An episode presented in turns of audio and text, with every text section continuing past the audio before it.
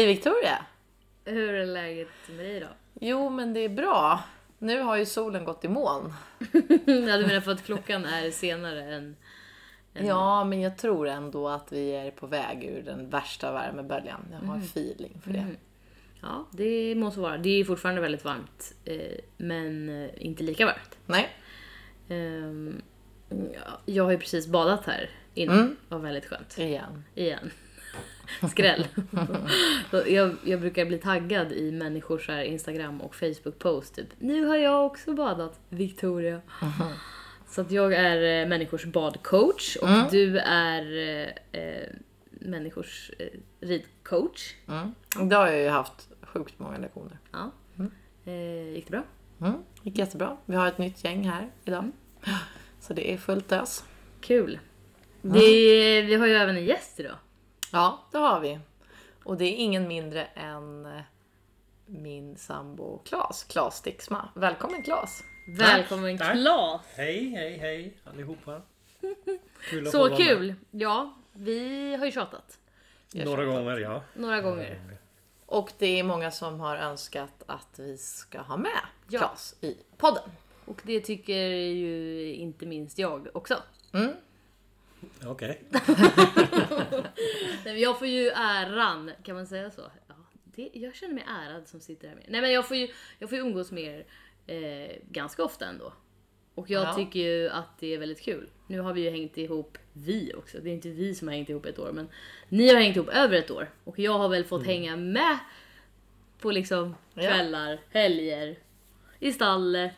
Mm. Ja, och jag tycker det är väldigt kul. Ja, Ja, Det är tycker du också, Det tycker jag också, ja. absolut. Jag tycker jättemycket om, eh, om Victoria. Det är typ det, det är en tredje familjemedlem eller Nej vad men sluta. Ja, hon är ju alltid med. Jag ringde Klas idag och frågade så här, vill du sko min häst? Men eh, så du är väl som en eh, eh, familjemedlem för mig också? Men bra. Mm. Kul.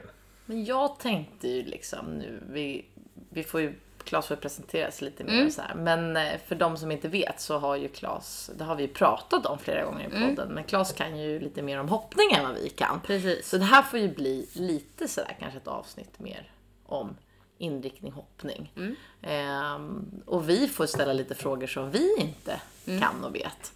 Men till att börja med Claes, kan inte du berätta lite? Du är ju inte ursprungligen från Sverige utan du Nej. kommer ju från ett land som ligger väldigt nära mitt hjärta som jag har varit i väldigt mycket. Och som jag aldrig har varit i. Men då är det dags att vi åker. Ja, det är det sannerligen. Efter Corona så åker vi. Efter Corona, ja det är bra. Berätta Eh, lite mer Claes. Ja, jag kommer då ursprungligen från Nederländerna. Mm. Så född och uppvuxen där. Flyttade väl till Sverige när jag var 30 typ. Nej, innan. 30 eller 27, 28 eller något sånt där. Men alltså Nederländerna och Holland, det är ju samma sak. Det är samma sak. Och varför har, finns det två namn till att börja med? Det som det egentligen är, Nederländerna är ju hela landet och Holland är ju en liten del utav det landet. Det som där de största städerna är Amsterdam, Rotterdam, Den Haag. Det ju, kallas ju för Holland. I, i, i, I folkmun eller vad man Ja, nu ska så det är säga. en del men, av men det är ju själva benämningen till landet är ju Nederländerna. Mm, okej. Fast det är samma sak. Och vi, har ju, inte- vi nämnde ju tidigare när vi har haft ett avsnitt där vi pratade om friserhästen att du är från Ja, Friesland. jag är från Friesland. Det är, Min karriär började på friserhästars ryggar och den gamla modellen friserhästar då som nu inte finns nästan längre. De är ungefär 1,50 hög och 1,80 bred liksom. Gamla- alltså gamla- mindre Ja. än dagens friserhästar. Så du har vuxit upp med friserhästar på samma sätt som Emily har vuxit upp med Connemara kan man säga. Skulle man... Nej, inte samma för det var min farbror då som hade mjölkkor och en stor bondgård och tillsammans med min farfar då ifrån början. De hade ju alltid arbetshästar. I förra tiden och så när de inte behövde arbetshästarna längre då blir det ändå typ som ett kulturarv så att de, det där finns kvar i familjen eller de, man, de avlar med dem och oftast har de ju stamtavlor som går tillbaka i flera generationer från samma gård liksom. Så vi hade ju också några sådana som gick med och som, som gick på gården som då inte arbetade längre men som bara gick där och var Men ni använde frisen till ursprungligen som, eller ursprungligen som arbetshästar? Mm. Ja, färdmedel i... Körhästar. Ja, körhästar. Så lite, lite glorifierade arbetshästar. Så, nu gör de ju fortfarande rätt mycket. De tävlar egentligen mest i, i körning i Friesland då. Det är ju Ah, mest, det är ju, har man ju ursprungskläder och, och ursprungsvagnarna och, och, och, utstyrseln och då, då, handlar det ju om gångarterna på hästarna och hur allting ser ut själva. Så det är inga, ingen dressyr och sådär lika mycket. De rider ju på dem nu också. Och sen har de ju börjat avla dem tills de ser mer ut som varmblodiga hästar nu. Så. Men så Höga, de- smala. De som är kvar i Friesland kanske inte ser exakt ut som Flori som vi har här i Sverige. Nej men de har ju följt med i trenden också eftersom det är ju mycket... Det handlar ju om att avla och sen sälja vidare så de har ju gått med i... Men vissa så håller ju fortfarande fast vid, vid den gamla modellen. Det är, och sen finns det ju några som vill ha den nya sportfrisen liksom. Som är ute på tävlingsbanan i dressyr. En sak som jag tror att ni inte vet om mig, för, eller det känns som att jag kan glömt säga det här. Min farmors pappa var en gammal hovslagare. Eh, eller gammal, han jobbade liksom med det och hans pappa också som gammalt. Och de är ursprungligen från Jo i Sverige. Eh, men han var liksom, han skodde ardennrar, eller det var det de hade då liksom. Så när jag kollar på massa gamla skor då, eller skor, Foton. foton hemma hos farmor och farfar så är det bara massa stora hästar. Och att sko en ardenner är ju liksom, måste ju vara det tyngsta hovslagaryrket. Ja, det är tunga hovar. Det är tunga hovar. Nej det är inte hoven som är tung. Det är Nej. hela hästen. Det är hästen. Men det har de ju ställningar till och så. De där tar man ju inte bara upp och lägger på sitt ben. De Nej. står ju i olika um, konstellationer. Då går man sönder. Men ja, jag har ju också ursprung då inom hästarna. Fast i... Men då så. Jo. Släktforskning där också. Men du kom till Sverige eh, för många år sedan. Mm. Varför kom du till Sverige och hur kommer det sig att du blev va- kvar i Sverige? Ja, jag jobbade på ett hoppstall i Holland och det råkade då vara en svensk hästskötare där som jag fick lite um, känslor för eller vad man nu ska säga. Och då åkte vi hit en gång till hennes familj på semester och då och då hade jag aldrig varit här. Så åkte vi hit och då tittade jag runt här och här finns ju mycket plats och mycket gårdar och mycket eh, frihet och Ja. allt sånt där. Vilket inte fanns lika mycket av i Holland då. Och då jobbar man ju på ett hoppstall och hästarna går inte i hagen och allt är mycket mer, vad ska man säga, eh, prestationsinriktat och, och ganska stressiga långa dagar och mycket krav och mycket, eh, ja... Mycket, mycket eh, utav det där och då var jag här och då tittade vi runt och tänkte men det här var det ju fint i naturen och då tänkte jag men det kan ju väl vara kul att ta något nytt äventyr och så åkte vi hem igen och så gick det väl någon månad eller två och så tänkte jag men det, jag kan väl Vi provar. åka dit och kolla så jag sa upp mig från min, mina, min lilla anställning jag hade där och packade min gamla blåa Golf 3 som jag hade. Fyllde den och så Mm, körde jag, du. jag fyllde den med en stereo och kläder och ett täcke. Ja. Och för jag ägde inte så mycket då. Jag var ju ung och, och jag menar, det, det, det mesta det slängde jag. Och sen åkte jag till mina föräldrar uppe i Friesland och sa ja men nu åker jag till Sverige. Och de var men du är helt dum i huvudet. och jag bara ja men jag tänker åka ändå. Så vi, vi får väl se hur det går då. Så åkte jag hit och körde hela vägen hit. Mm. Halvvägs i mörkret så slutade lyset fungera på min gamla bil. Det var bara hellyset som gick. Så jag fick sätta en jätteliten säkring som jag hade under lysknappen så att den skulle hålla sig på hellyset. Så det bländade Från och alla. med typ Helsing, Helsingborg hela vägen upp till eh, dit jag skulle och eh, så jag bländade rätt mycket. Men det är Det är väl så äventyret började då som jag såg det då. Och så vart det väl ingenting med den där relationen längre men eh, sen... Sen var du här. Sen var jag ju här och... Och kär i Sverige. Ja, det vart jag ju. Jag är ju kvar här och... Ja. Nu sitter jag här och poddar med er så det, det är rätt mycket vatten under bron där med, i, i alla år och det, det har ju hänt mycket så. Men du har ju gjort lite avstickare. Du har ju hela tiden kommit tillbaka till Sverige. Men du har ju varit både i, i Tyskland och jobbat och sen har du varit i både USA och Kanada. Ja, i Tyskland har jag väl inte gjort så mycket. Det var mest lite små korta grejer när jag var, när jag var yngre och sådär. Men, men sen t- 2006 så bodde jag ju i Sverige redan då. Och då hittade jag en annons på, på nätet och, om någon i Kanada som behövde rithjälp och träningshjälp där. Och då ringde jag, eller jag mejlade henne först. Och då ringde hon upp mig och så jag tror det tog sammanlagt två dagar innan jag satt på flygplanet och, åkte till Toronto och var väl kvar där sex månader först och så hem och så sex månader igen och så hem. Och så sex månader igen. Och Bodde du i Sverige då eller bodde du i Ja. Holland? Mm. Men eh, ja. Det är väl inte, för man får ju vara i Kanada sex månader Mm. på, som, som turist. Just det. Där har jag inte på, heller på, varit. På vanliga tu- turistvisum liksom. Så det är ju...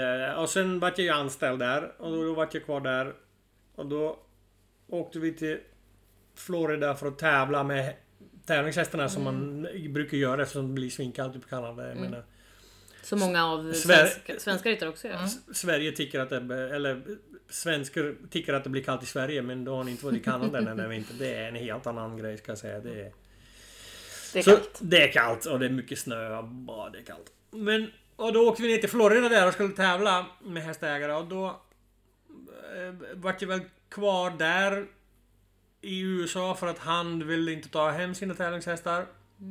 Och då stallade vi upp dem på ett stall i New Jersey och den, de som ägde det stallet erbjöd mig jobb sen i USA så hoppade jag från det ena till det andra. Mm. Och så var jag kvar där en tre, fyra år. Men har du alltid jobbat med hopphästar eller har du jobbat i andra typer av stall också? Nej, eh, handelsstall och men mest i hoppning liksom. Mm. För att det är det du är bäst på? ja, det vet jag inte men det, det, det, det, Jo, råk, det det är råkar ju bli så. Så det är ju så det har gått. Ja. Men jag tycker ju att din träning... För jag visste ju inte när vi träffades egentligen hur mycket du kunde. Men jag Nej. började ju liksom förstå under tiden hur mycket du kunde. Och jag tyckte ju att du var så otroligt lik träningen som det jag har lärt mig i Holland. Så att du, även fast du har varit så länge i Sverige och säkert är präglad av olika stall du har varit i, i Sverige så känns det ändå som att den här grunden som du har fått i Holland, den linjen har ju du fortsatt att köra hela tiden. För den påminner ju väldigt mycket om allt det jag har lärt mig i Holland med Ja. noggrannheten och professionaliteten. Och du har ju gått en utbildning i Holland som heter Pikör. Ja, instruktör pikör gick ju. Det var den... Det finns ju en skola i Holland som heter um, NHB. I Dörne i södra Holland. Och den var ju... Nu är den då lite mer som ett... eh, Som... Vad ska man säga? Som en, som en agrarisk utbildning som vart... Lite som man har typ real och så här i Sverige nu. Då när jag gick den... Jag var sista eller näst sista årgången av... Då var den ju fortfarande privatägd. Så då, då fick man ju söka. Mm. Och då vart man inbjuden för en, en, en, eh, vecka, veckas eh, prov, en sån där antagningsselektionsvecka. Och då tog de ju typ 10 eller 15 stycken. Men hur kom du in då? Ja, för att jag... Det vet jag inte. Jag, jag sökte för eh, att bli hästskötare första Ja. året. För jag jobbade, eller började på ett hoppstall ganska nära mina föräldrar där de bor och då, de hade typ ridskola, hoppstall och så tyckte jag väl att det var kul så jag åkte dit en gång på cykeln och började sopa stallgolv en gång och sen fick jag mocka en box och sen fick jag hålla i en häst och sen fick jag du vet, så det successivt rullade jag in i att jag varit, varit tävlingshästskötare med dem. Innan jag ens hade ridit ens en gång själv var jag med på tävling och hjälpte till med tävling så då hade jag inte ens ridit den. Häftigt. Så jag började jag, jag rida ganska sent. Och då, jag tyckte att jag inte var tillräckligt bra att rida för jag hade aldrig tävlat, jag hade aldrig gjort någon vettiga saker på hästen än att rida in dem. För att- det, det är ju det svåraste. Ja, för att söka in till den där utbildningen som då var ganska eh, välkänd, att det var sträng och svår och sådär. Så jag ansökte då för att gå hästskötare, eller vad heter det, stallmästare hästskötarutbildningen.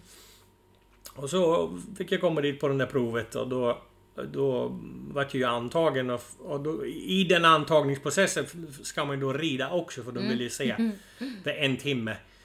På, eh, på hela veckan vill de ju se om man är tillräckligt...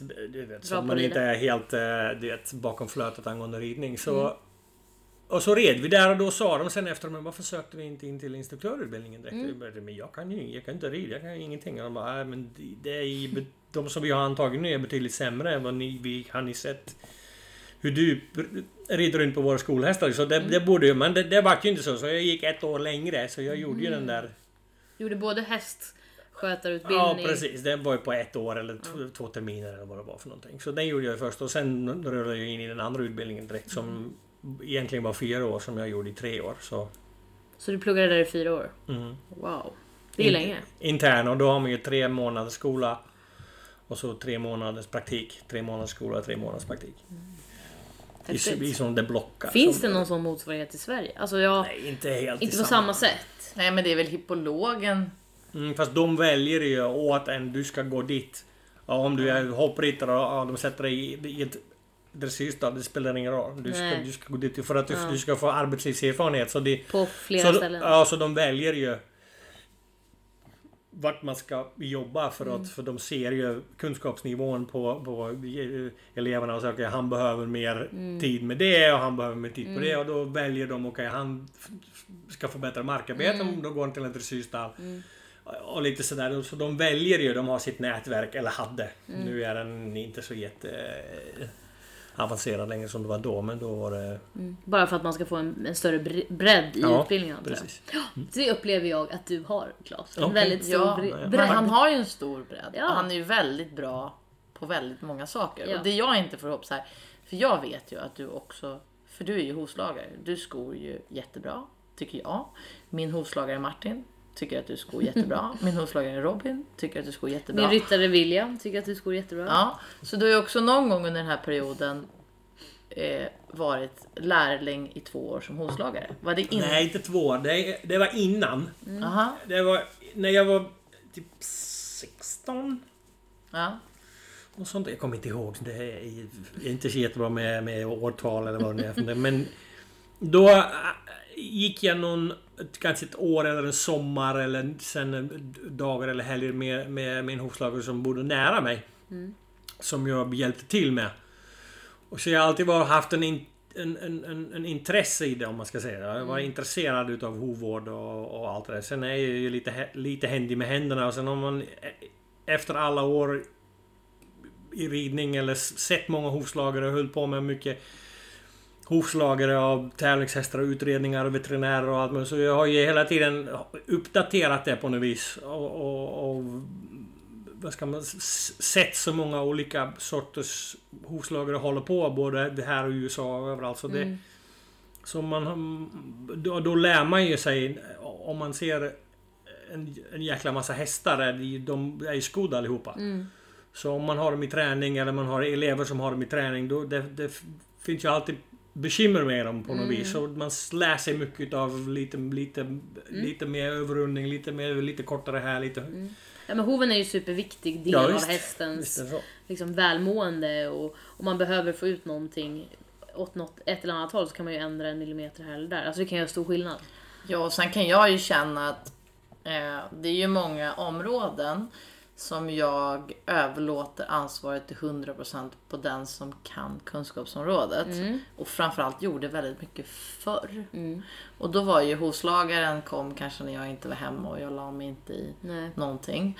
Och till veterinären kanske mamma åkte med hästarna till veterinären och Mm. så fastställde de en diagnos. Det har ju jag med erfarenhet lärt mig att så enkelt är det inte. Mm. Nej. För att det är jättebra med ansvar men någonstans så behöver man ju ha en dialog. För det är jag som sitter och rider på hästen Mm. och känner hästen. Så att det, idag och ännu mer sen Claes kom in i bilden så har vi ju både med veterinärer och hovslagare så är man mycket mer skärpt och närvarande. Och det är ju alltid så, alla presterar ju bättre när de har lite krav på sig. Och eftersom ju kunnigare vi blir som håller på med hästarna hela dagarna ju bättre krav ställer ju vi på de som levererar till oss och då blir ju leveransen också bättre.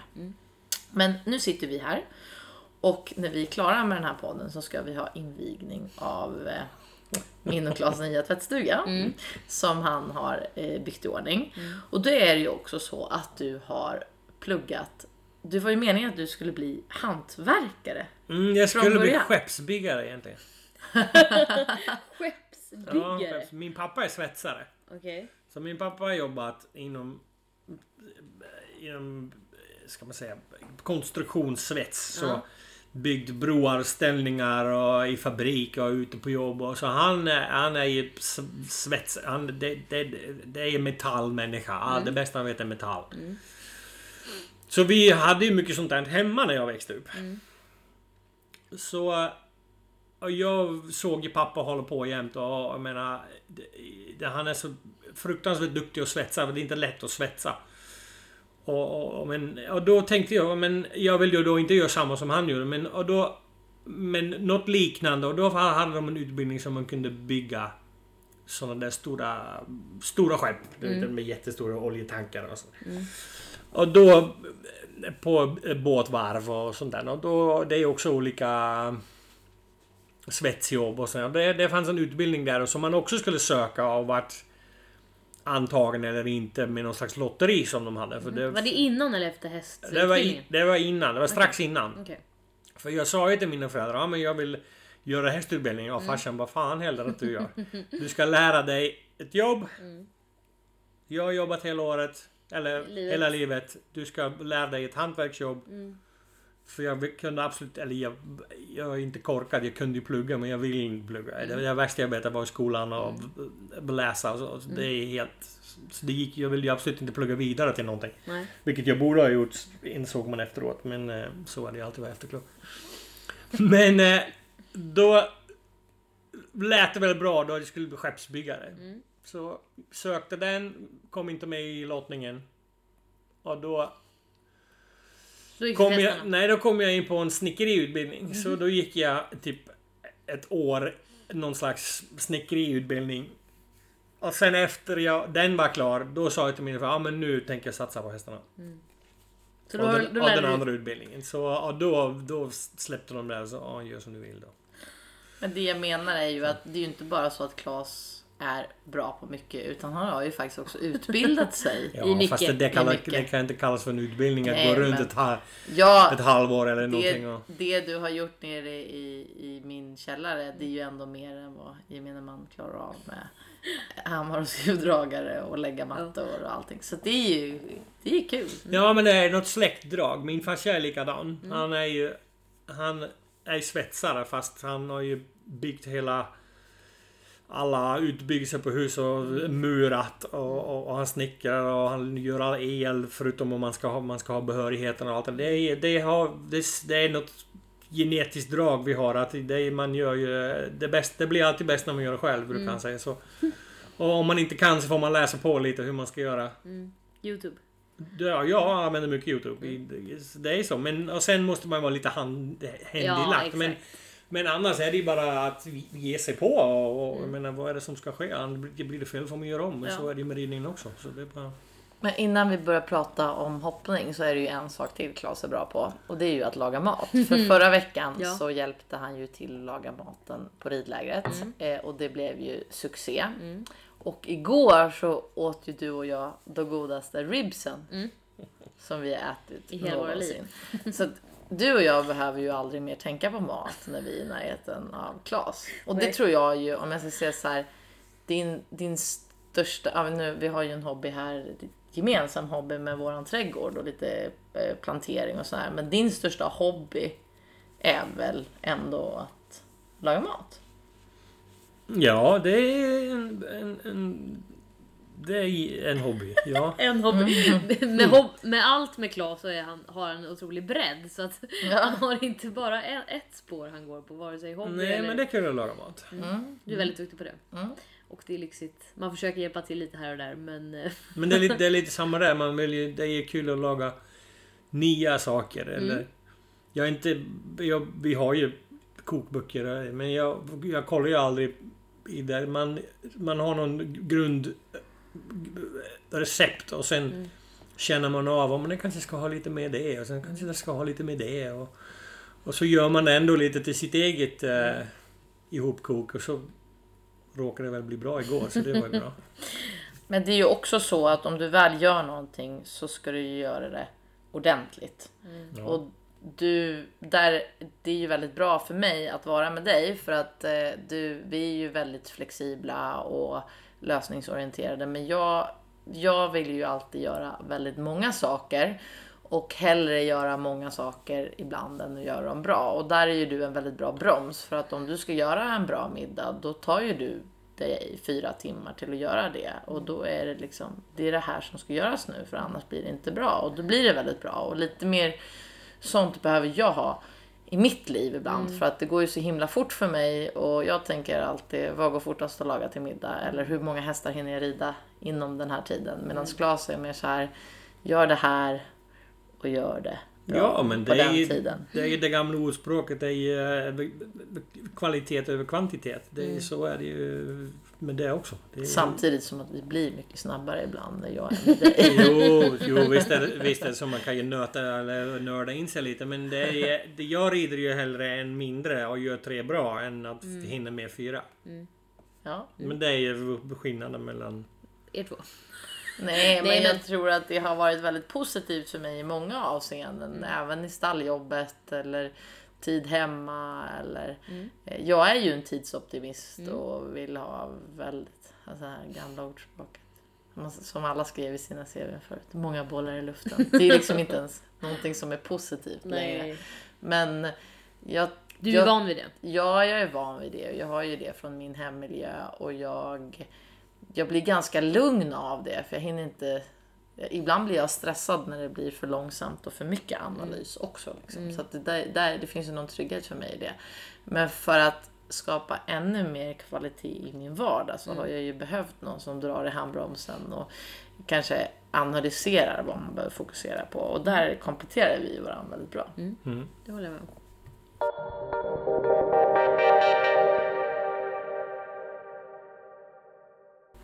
Ja, Okej, men någonting som jag eh, höll på med mycket mer när jag var yngre, men som jag också tänker att jag även ska göra framöver, mer av i livet, det är ju eh, att hoppa.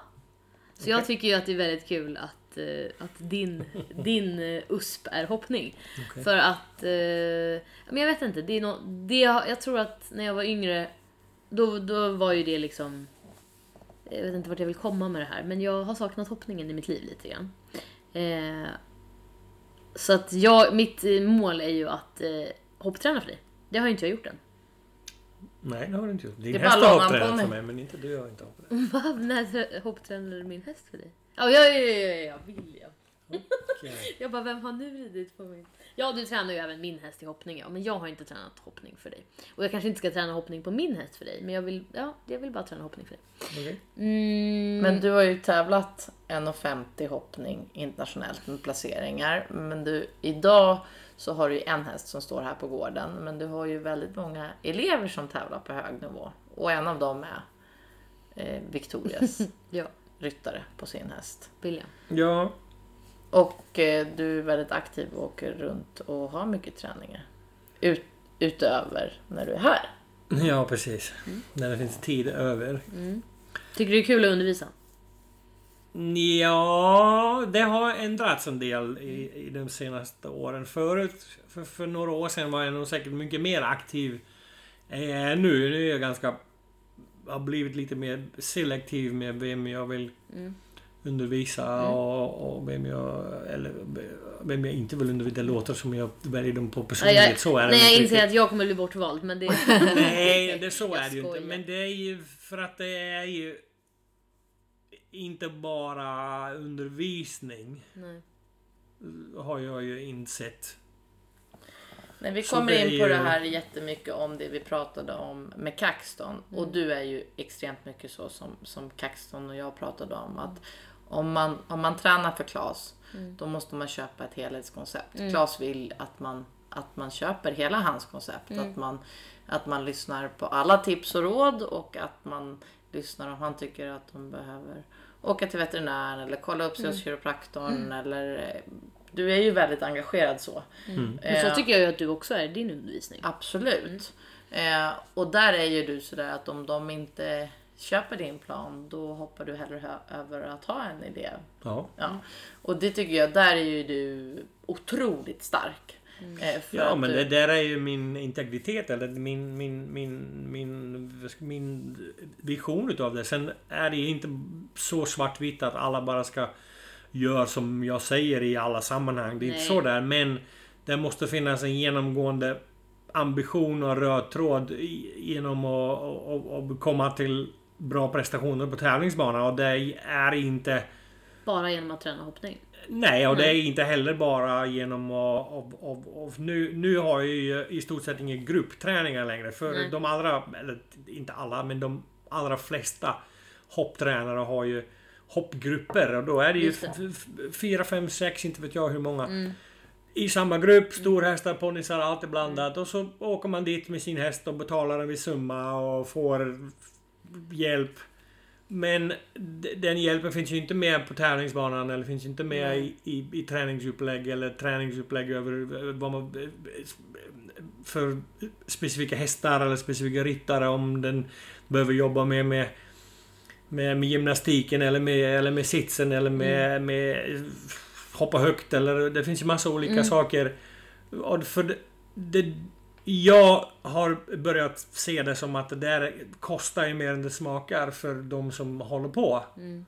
Som, som har köpt en häst och som, som, som har en ambition och så åker de och försöker få hjälp någonstans och sen ja, får de inte den hjälpen egentligen som de sk- skulle, skulle få för pengarna och för, för, för allting. Och då, jag har ju antingen två eller privat. Mm. Så kan man 100% se helheten i, Mm. i det ekipaget. Om det är en ung häst eller en, eller en svårklasshäst eller en ung ryttare eller en gammal ryttare eller Mm. en snedryttare som behöver kiropraktorhjälp eller en Mm. häst som är lite, lite knackig som behöver veterinärhjälp. Mm. Att man vågar vara ärlig på alla fronter och säga du gör Försök att göra så här och så här. Kanske vi ska kolla upp den. Kanske vi ska kolla upp dig. Kanske vi ska Mm. börja... Så att man verkligen skapar det från grunden uppåt. Så att man har en stor chans att, få- att få succé istället för bara börja någonstans i mitten och aldrig komma därifrån. Men för mig är det ju det engagemanget jag alltid har velat ha. Mm. Att jag är ju nördig själv. Jag älskar ju att om vi har lite liniment här eller sätter på spiktäcket där. Eller ska vi ha sule på den här hästen? Eller ska vi prova ett annat bett? Eller ska vi prova en annan sadel?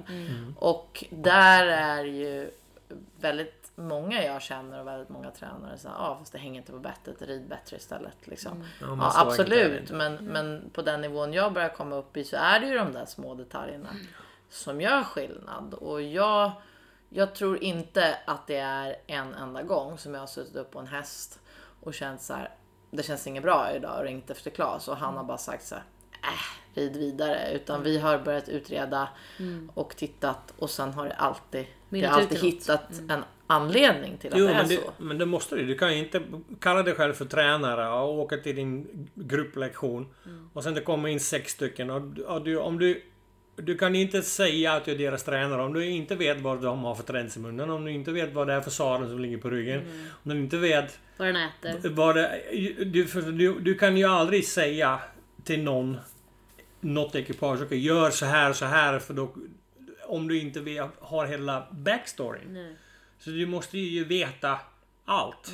Och så var ju Annars, Anki. annars går det ju inte. Det finns Nej. ju ingen... Visst, det, det går... eh, Vad ska man säga? För man tjänar ju... Man tjänar ju mer pengar på det. För det ger ju mer pengar i en grupplektion. Mm. För jag är ju min egen värsta fiende att säga jag vill, vill inte ha grupper. För att Mm. ekonomiskt är det mycket bättre. Men jag, jag vill inte ha det för jag känner att jag gör ett, ett dåligt jobb. Mm. Och, och jag gillar inte den känslan att åka hem och säga okej, ja, ja, vi, vi har tjänat så här mycket pengar fast jag vet att det i alla fall är några stycken som är missnöjd. Mm. För att de fortfarande kanske inte fick hjälp med den där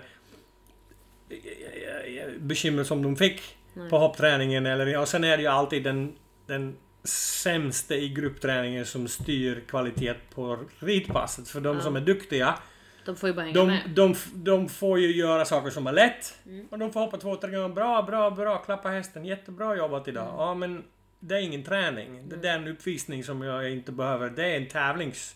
Mm. Du vill åka på träning för att ha- hamna lite i problemen. Mm. Som, du, som du kan få i tävlingssammanhang antingen med nerver och olika distans, olika höjder och olika sorters hästar eller vad det är för någonting. Så att du, du får verktyg att reda ut det när det väl dyker upp en svårighet. Så det måste vara lite krävande på, på träning och då måste du ju veta bakgrunden som tränare annars är det ingen vits att vara tränare. Nej men där tycker jag liksom, det var ju väldigt mycket så när jag var i Holland och tränade och Anki var Ja, väldigt de lägger mycket sig så. i allt. De lägger sig i allt Mm. och ifrågasätter allt. Liksom, Anki började rota i varför jag hade lindor och inte skydd på framridningen. Och hon började ändra i vad mina hästar hade för foderstat. Och de tyckte att jag skulle sko mina hästar hos deras hovslagare. Och de tyckte att jag skulle åka till deras veterinär och använda deras tandläkare. Och så, och så där är det ju. Om du ställer dig och tränar hos Anki en månad, då är det all in med deras koncept. Så jag är också fostrad i det där och jag har varit en sån typ av tränare. Och jag kan känna igen mig extremt mycket i det Claes säger, samtidigt som jag har en annan typ av verksamhet som min gård och vi har haft hela tiden, där man ibland lite efter nivå och ambition får anpassa det här upplägget såklart. Och när man har ett ridläger så säljer man ju massor med andra saker, erfarenhet och så vidare. Så då har man ju gruppträningar till Men det är också exempel. på en annan nivå än Ja. Det är absolut på en annan nivå. Men jag har ju också lärt mig den hårda vägen att kanske vara så här engagerad, precis som Claes också säger att han har varit. Och jag har ju också blivit mycket mer selektiv och inte har lika många elever. Och gått från att ha gruppträningar till kanske kortare. Jag har ju halvtimmesträningar idag när jag åker iväg och har träningar. Förut så hade jag gruppträningar också när jag åkte iväg. Men då har jag hellre kortare pass och en och en. Eh, och det är ju på grund av att man känner att man, att man vill ge allt. Men Och inte, sen- ja, inte bara det, men den ekipaget som rider, om du har f- 30 minuter full fokus på det ekipaget, är för de som rider värt fyra gånger pengarna än en gruppträning där man får vara 10 minuter om det är 60 Ja. ja. Mm, ja. Förstår du? Så det, det är ju, och de känner ju efter en kvart redan att de har fått ut mer än de någonsin skulle ha fått utav någonting annat. Sen har jag ju ingenting emot gruppträningar på Nej. ridskolor och på, på eh, börjande människor eller som, som Gibar vill. Jag har ingenting emot det men Nej. för Du mig som person, jag tränar inte de där. Nej. Där, för det är ju... Nej, det är inte min... Min Nej. ambition ligger inte där. Nej men sen så. också att ni båda två har gjort det men att kanske ju äldre ni blir så blir man mer selektiv till det man gör. Och så Jo men så är det ju i- den här sporten. Det, är, det, det äldre man blir, det bättre man blir. Det är, lite, för det, är, det är erfarenhet som gör att man blir bättre. Det, det här kan man inte läsa i en bok. Så det är ju bara... Jo, det krävs ju så mycket mer engagemang. Framförallt om man ska ta, ryt- ta fram ryttare till mästerskap eller Falsterbosa så krävs det ju en, en relation och det krävs ett helt annat engagemang än, man, än vad man kan få betalt för. Exakt. Sen får man ju massa, massa erfarenhet och massa marknadsföring för att man har en sån duktig elev. Men det handlar ju också om att eh, det, det blir ju ett extremt engagemang från en själv. Och då kanske man väljer att inte ha lika många sådana elever som man engagerar sig i heller. Det har jag ju också valt efter ett tag för att man ser att man måste hinna med och göra det bra. Men jag tänker på det här när vi pratar hoppning så tänker jag ju på att eh, det är så likt. Så som du tränar mig är ju så extremt likt hoppningen. Eh, och då sa du till mig en gång eh, när vi, att det är exakt samma sak. Det Vi är jobbar, exakt samma sak. ja, berätta. Hoppning är egentligen...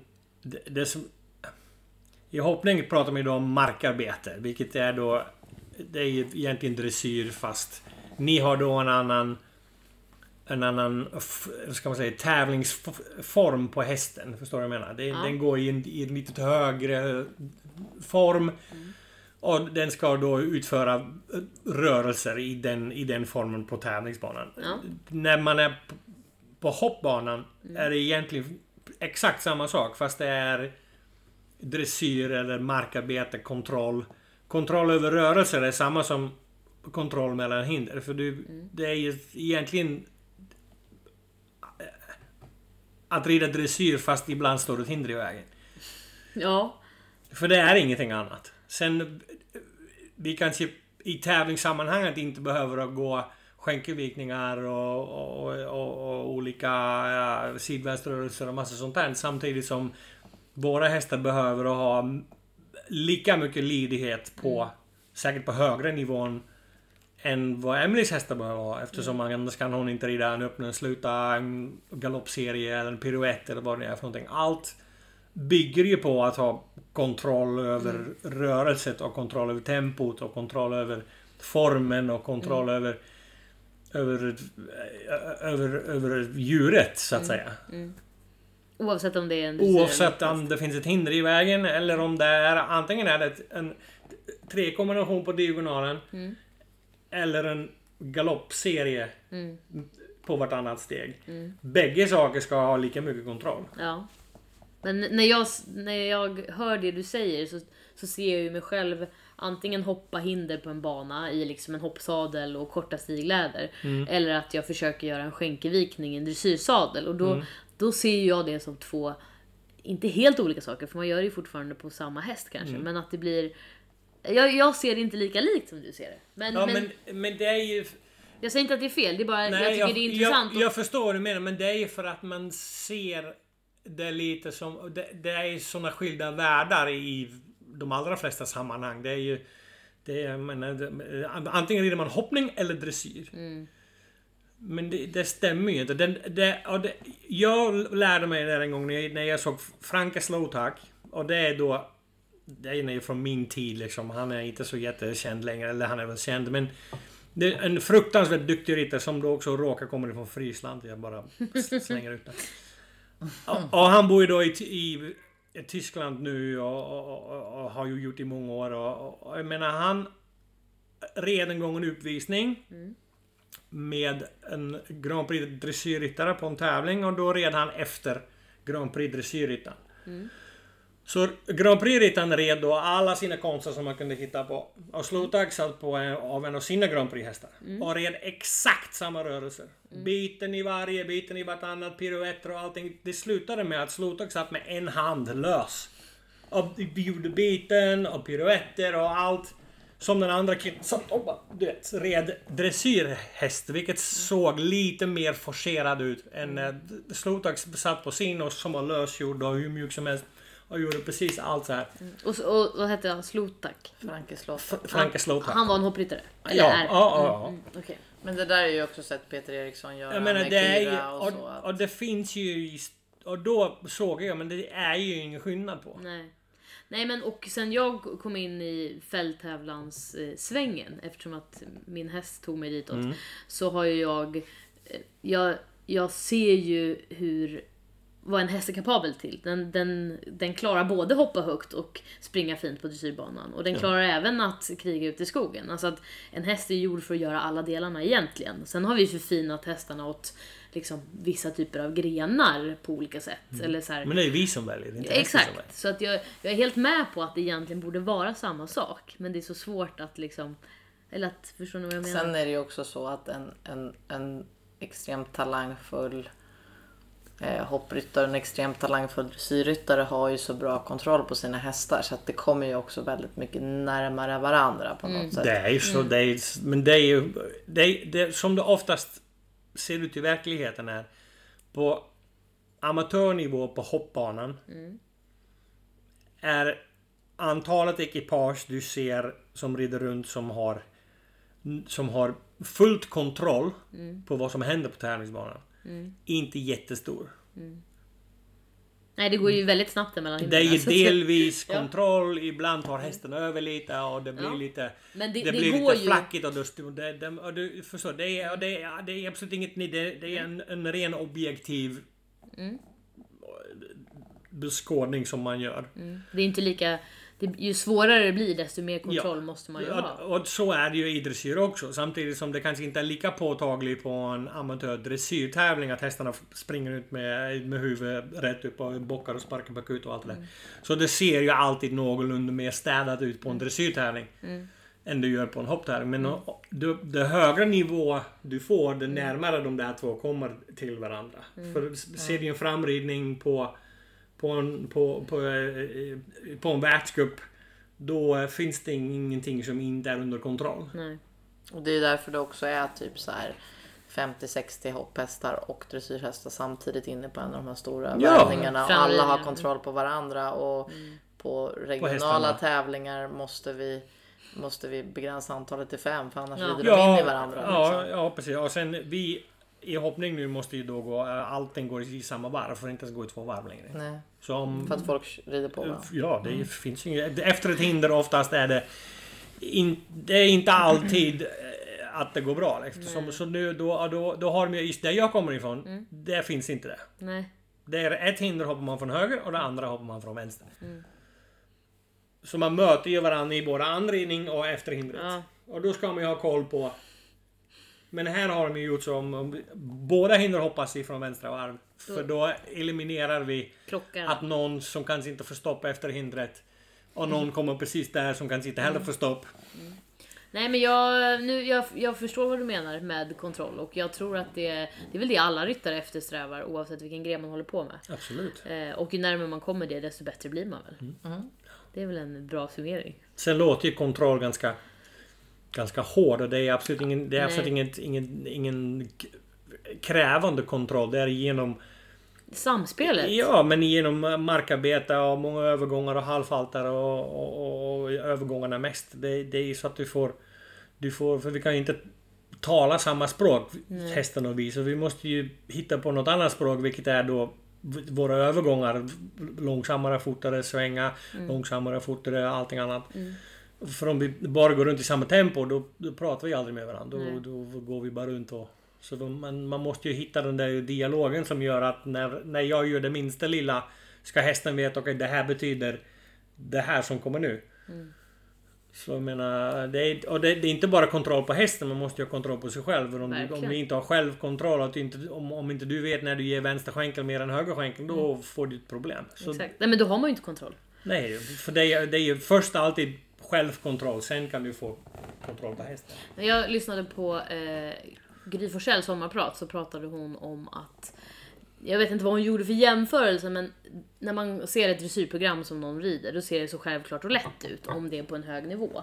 Och att det inte ska se liksom ansträngt ut och det ska inte se ut som att ryttaren jobbar. Och där någonstans har man ju kommit till att ryttare och häst förstår varandra så pass bra att ryttaren inte behöver flaxa med skänklarna eller vifta med händerna.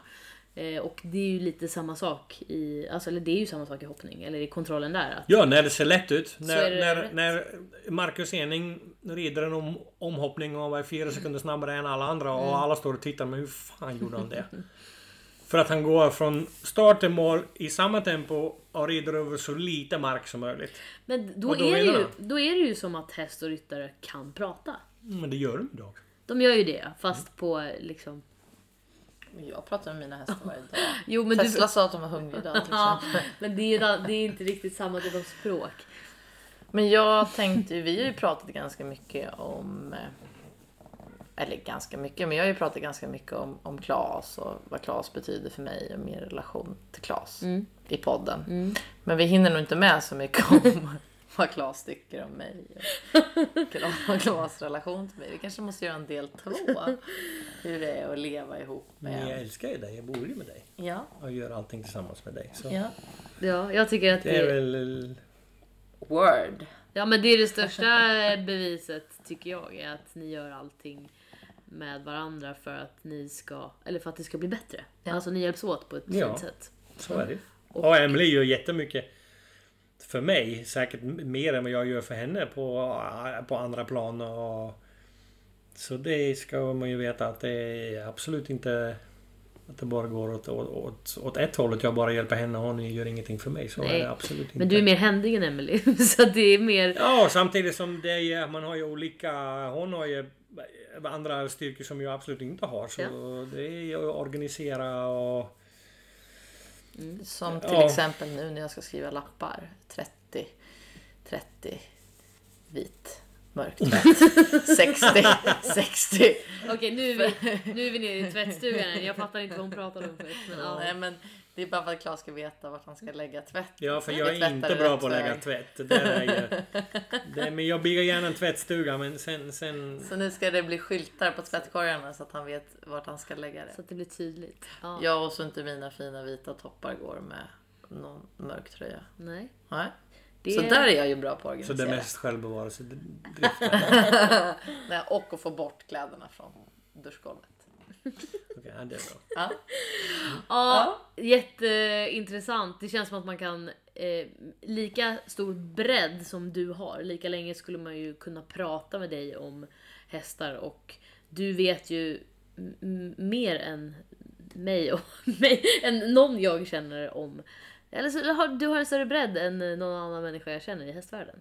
Nu pratar jag om Och på Klas. många områden. Ja, jo, jo Ja. absolut. Men nu när vi pratar om hästar eftersom att det är en hästpodd så, Ja. så är det väl det som jag Vi har inte återkommer till. pratat så mycket om hästar egentligen. Nej, det har vi egentligen Vi har inte. mest pratat om Som tvättstugan. vanligt. Nej, Men nu jag- ska vi gå invigning.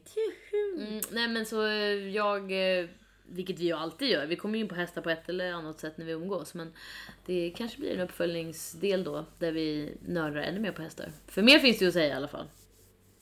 Ja, börjar man prata så har man inte pratat klart på ett tag. Så. Nej, och tiden har gått fort. Eh, jag är jätteglad att du ville vara med idag Claes. Jag Det var också. så gärna gjort. Jag var lite tveksam i början för det är inte helt min, mitt forum att vara så här. Ska man säga? Du är inte poddare, du är mycket annat men du är Nej, inte jag poddare. är inte så mycket för eh, varken sociala medier eller podd eller någonting annat. Men det är också en av Emelies styrkor att hon försöker få mig att Gå utanför din comfort gå utanför mitt och försöka... eh, Ja, Jag Så vet jag är många tacksam som säkert inte lyssnar på podden som kommer göra det när de får veta att du är Ah. med i podden.